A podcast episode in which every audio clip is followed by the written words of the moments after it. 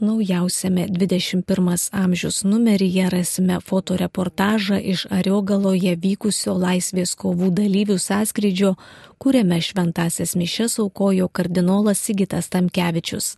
Laikraštyje vėl nestinga žinių iš įvairių Lietuvos parapijų. Štai Birutė Nenėnė rašo apie Alvite kelias dienas vykusius Šventojios Onos atlaidus. Vieni buvo Liepos 26, o kiti Liepos 31. Abi dienas naujojoje Alvito bažnyčioje lankėsi burelis svečių kunigų, o šventasias mišes aukojo Vilkaviškio ir Marijampolės dekanai, kunigas Virginijus Gražulevičius ir kanauninkas Deimantas Brogys. Oninių šventį kruopšiai ruošėsi parapijos ir miestelio bendruomenės žmonės. Iš anksto stendai su tautiniais motyvais primenančiais, jog švenčiame ir suduvos metus, papuošė įvairias miestelio erdves, plakatai virš gatvių kvietė į Oninių šventę kai kvepia duona ir žolynai. Dėl lietingo oro šventoriuje planuota tapybos paroda Suduvių žemė pasilikimai teko perkelti bažnyčią. Dėl lietaus nesužlugo meninė programa Liepų parke koncertavo keletas atlikėjų. Kitas tos pačios autorės rašinys įspūdžiai iš kitų onos atlaidų tame pačiame Vilkaviškio dekanate Pajevonyje.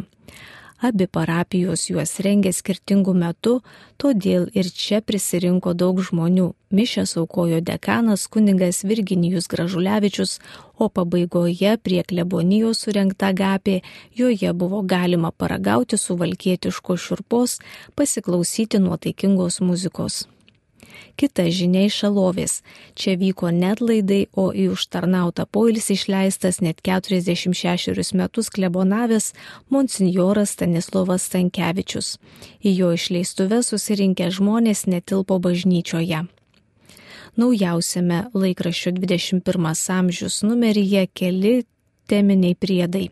Viename iš jų abipus Nemuno Birutė Nenėninė rašo apie Vilkaviškio rajone paežeriuose vykusi renginį, kuriame gižų klebonas kuningas Virginijus Vaitkus pašventino atnaujintą Vinco Kudirkos tėvų kapavietę. Rūta Verkienė dalyjas įspūdžiais iš renginio istorijos atgarsiai Merkio krante. Varėnos rajone, Kaščiūnų kaime, partizanų Juozo Jekavonio Tigro sodyboje. Čia kunigas Gintaras Vitkus pašventino rekonstruotą Adolfo Ramanausko Vanago ir Juozo Vitkaus Kazimieraičio vadavietę. Kitame 21-ojo amžiaus priede Kristus ir pasaulis Mindaugas Buika apžvelgia popiežiaus pranciškaus interviu Reuter žinių agentūrai, kur jis kalba, kokia yra jo atsistatydinimo galimybė. Daiva Červokienė rašo apie Lietuvos nacionalinės Martino Mažvido bibliotekos Adolfo Damušio demokratijos studijų centre vykusią konferenciją Sovietų okupuota Lietuva per Lietuvos katalikų bažnyčios kronikos prizmę. Žmonės įvykiai atgarsiai. Vilniaus universiteto doktorantas Tomas Vaitelė pranešime antireliginiai siužetai sovietinėje televizijoje prieš ir po Lietuvos katalikų bažnyčios kronikos atsiradimo nagrinėjo, kaip šį leidinį pristatė vadinamoji to meto pažangioji spauda - radijas ir televizija.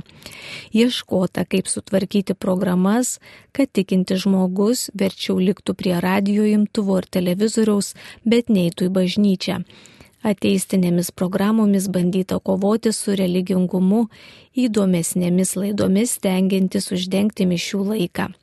Antireliginių vaizdinių buvo visur ir žiniuose, ir vaikų, ir kultūrinėse programuose.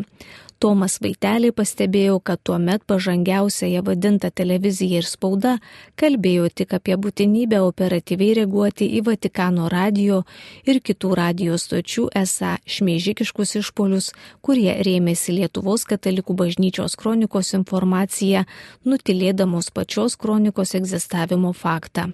Vytauto didžiojo karo muziejaus fondų saugotoja Deimantė Gedrimaitė pasakojo, kad muziejus siekdamas prisidėti prie Lietuvos katalikų bažnyčios kronikos jubiliejinių metų minėjimo, bendradarbiaudama su bažnyčios kronikos fondu, vykdo projektą, kurio metu renkami žmonių atsiminimai ir eksponatai susiję su šiuo leidiniu.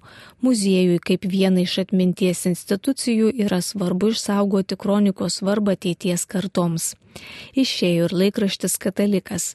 Jame toliau tęsiami pamokslėliai apie išpažinti, kuriuos prieš 50 metų parašė kunigas Jonas Paliukas. Šį kartą jis aiškina, kam reikalinga dažna išpažintis. Jos pirmiausia reikia visiems tiems, kas daug nusideda, jeigu žmogus anot šventojo rašto geria nuodėmės lik vandenį, o išpažinties teina tik kartą per metus arba visai neina, tai apie malonės gyvenimą negali būti nei kalbos. Nuo pirmos sunkios nuodėmės po išpažinties visą laiką jis patiria nemalonę, kadangi paprastai tokie į pirmąją sunkiąją nuodėmę atkrinta pasitaikius pirmai galimybei, tai malonės būsena jiems tiesitėse tik kelias dienas ar tik valandas. Laikraščio 21 amžius apžvalga parengė laikraščio redaktorius Romas Bacevičius.